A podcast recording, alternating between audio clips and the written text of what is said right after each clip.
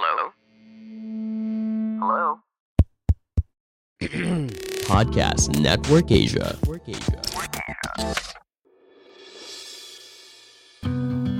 Sekarang Stoikas ID telah didukung oleh Podcast Network Asia. Buat teman-teman yang ingin mempelajari lebih lanjut tentang podcast atau kalian ingin tahu gimana caranya memonetisasi podcast, boleh banget kepoin dan ikutin media sosial Podcast Network Asia atau melalui situs web di podcastnetwork.asia. Dan untuk mempermudah proses monetisasi, daftarkan podcast kalian di podmetrics.co secara gratis.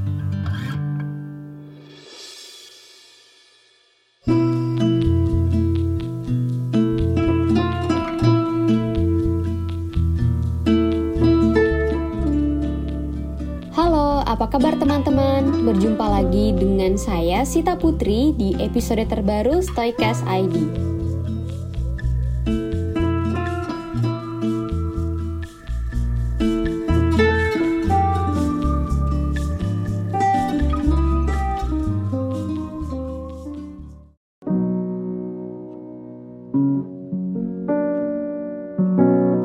Di episode kali ini, aku akan mengulas salah satu buku yang menurutku masih berkaitan dengan filsafat stoikisme.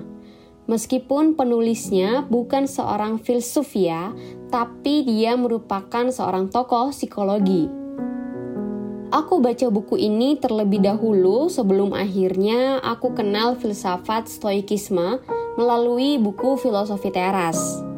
Ketika aku baca Filosofi Teras, Viktor Frankl, si tokoh psikologi beserta bukunya yang berjudul Man's Search for Meaning, ini disebutkan dalam buku Filosofi Teras.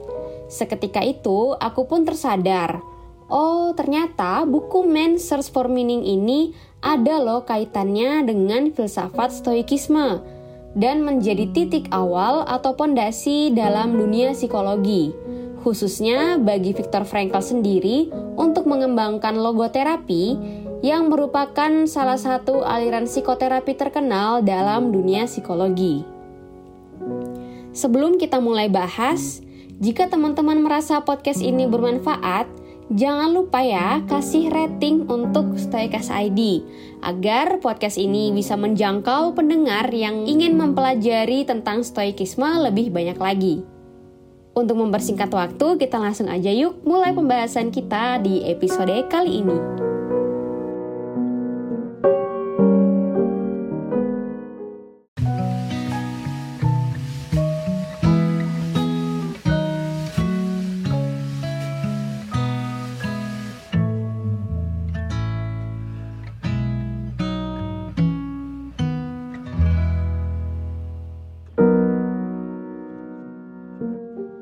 Segmen ulasan buku Stoik, aku akan mengulas buku yang berjudul Man's Search for Meaning.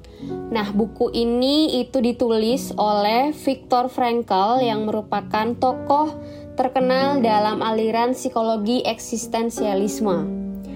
Jenis buku ini itu masuk di psikologi populer ya, jadi bukan masuk di filsafat ataupun yang uh, psikologi keilmuan yang murni gitu pada umumnya.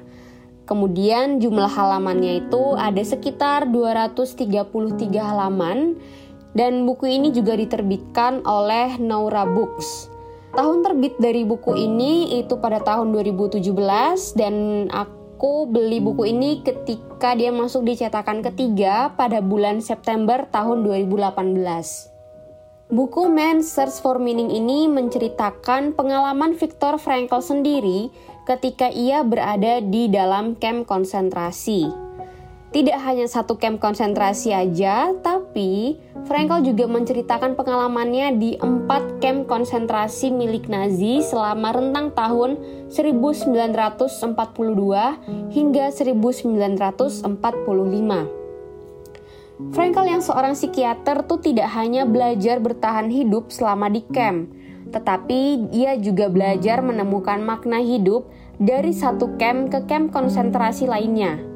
Frankl juga menceritakan kehidupan sosialnya selama di camp, yang membuatku terpukau dengan apa yang ia lakukan di kondisi antara hidup dan mati. Di tengah penderitaannya itu, Frankel masih sempat menjadi relawan bagi tentara Nazi untuk membantu korban-korban camp lainnya yang sakit. Saat menjadi relawan, Frankel juga masih sempat menghibur para korban. Padahal dia sendiri posisinya juga seorang korban.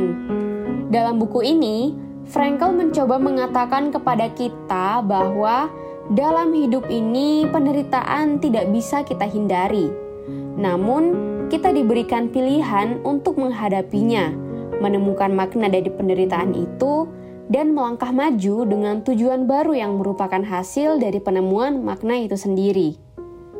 Frankel juga mengemukakan teorinya, yaitu logoterapi, yang mana teori ini lebih menekankan pada menemukan dan mencari makna dalam hidup kita masing-masing. Lalu apa opiniku tentang buku Man's Search for Meaning ini? Nah, sebagai orang yang belajar psikologi nih ya dan mempelajari juga Viktor Frankl yang merupakan salah satu tokoh dalam aliran psikologi eksistensialisme, buku ini tuh jauh ya dari teori-teori psikologi yang rumit gitu. Bisa dibilang buku ini tuh kayak mini autobiografi dari Viktor Frankl sendiri karena buku yang terdiri dari dua bab ini menjelaskan hampir detail bagaimana Frankel menghadapi kejamnya camp konsentrasi pada bab pertama dan penjelasan ringkas tentang teori logoterapi itu sendiri di bab kedua. Membaca buku ini itu juga ibarat merasakan kengerian camp konsentrasi yang dialami oleh Frankel, sebab ia mendeskripsikan dengan cukup jelas kondisi dan keadaan yang ia alami dalam camp konsentrasi ini. Hal yang menarik dari buku ini adalah Frankel memberikan detail peristiwa-peristiwa yang membuatnya menemukan makna hidup dan disertai dengan kalimat-kalimat yang bisa kita renungkan bersama di tengah penderitaan yang sedang kita alami. Melalui Man's Search for Meaning, Frankel telah membantu orang lain termasuk aku untuk menemukan makna hidup mereka sendiri. Tiga kutipan favorit dari buku ini, nah, uh, kalau aku disuruh milih ya, tiga kutipan favorit itu agak susah karena aku punya catatan sendiri yang uh, menulis beberapa uh, kutipan atau kalimat-kalimat dari Viktor Frankl yang menurutku itu penting gitu. Jadi uh, karena ada banyak sekali uh, dan aku nggak mungkin menyebutkan semuanya jadi mau nggak mau aku harus memilih tiga gitu ya. Jadi uh, ini beberapa kutipan favoritku.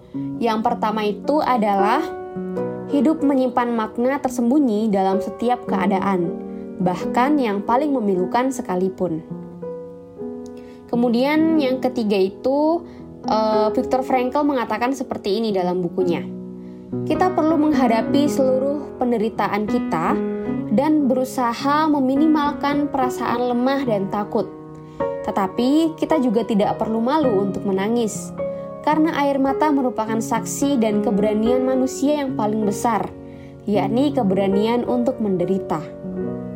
Dan kutipan yang terakhir dari Viktor Frankl dalam Man's Search for Meaning yang menjadi favoritku adalah Kebebasan hanya sekadar aspek negatif dari seluruh fenomena, sedangkan aspek positifnya adalah sikap bertanggung jawab.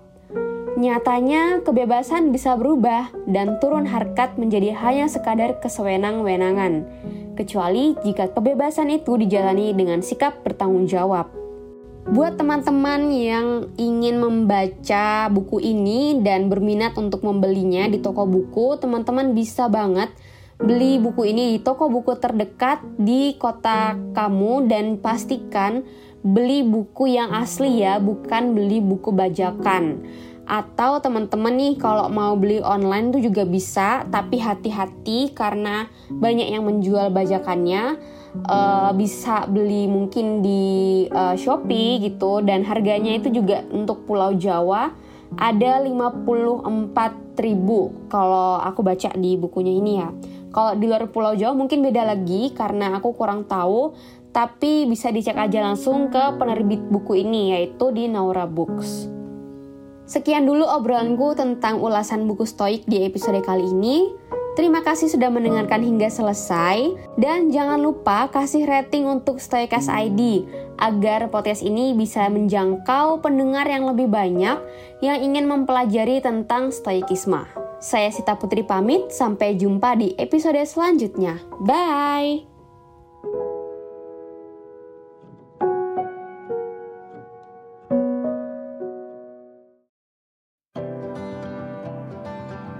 Pandangan dan opini yang disampaikan oleh kreator podcast, host, dan tamu tidak mencerminkan kebijakan resmi dan bagian dari podcast Network Asia. Setiap konten yang disampaikan mereka di dalam podcast adalah opini mereka sendiri dan tidak bermaksud untuk merugikan agama, grup etnik, perkumpulan, organisasi, perusahaan, perorangan, atau siapa pun dan apa pun.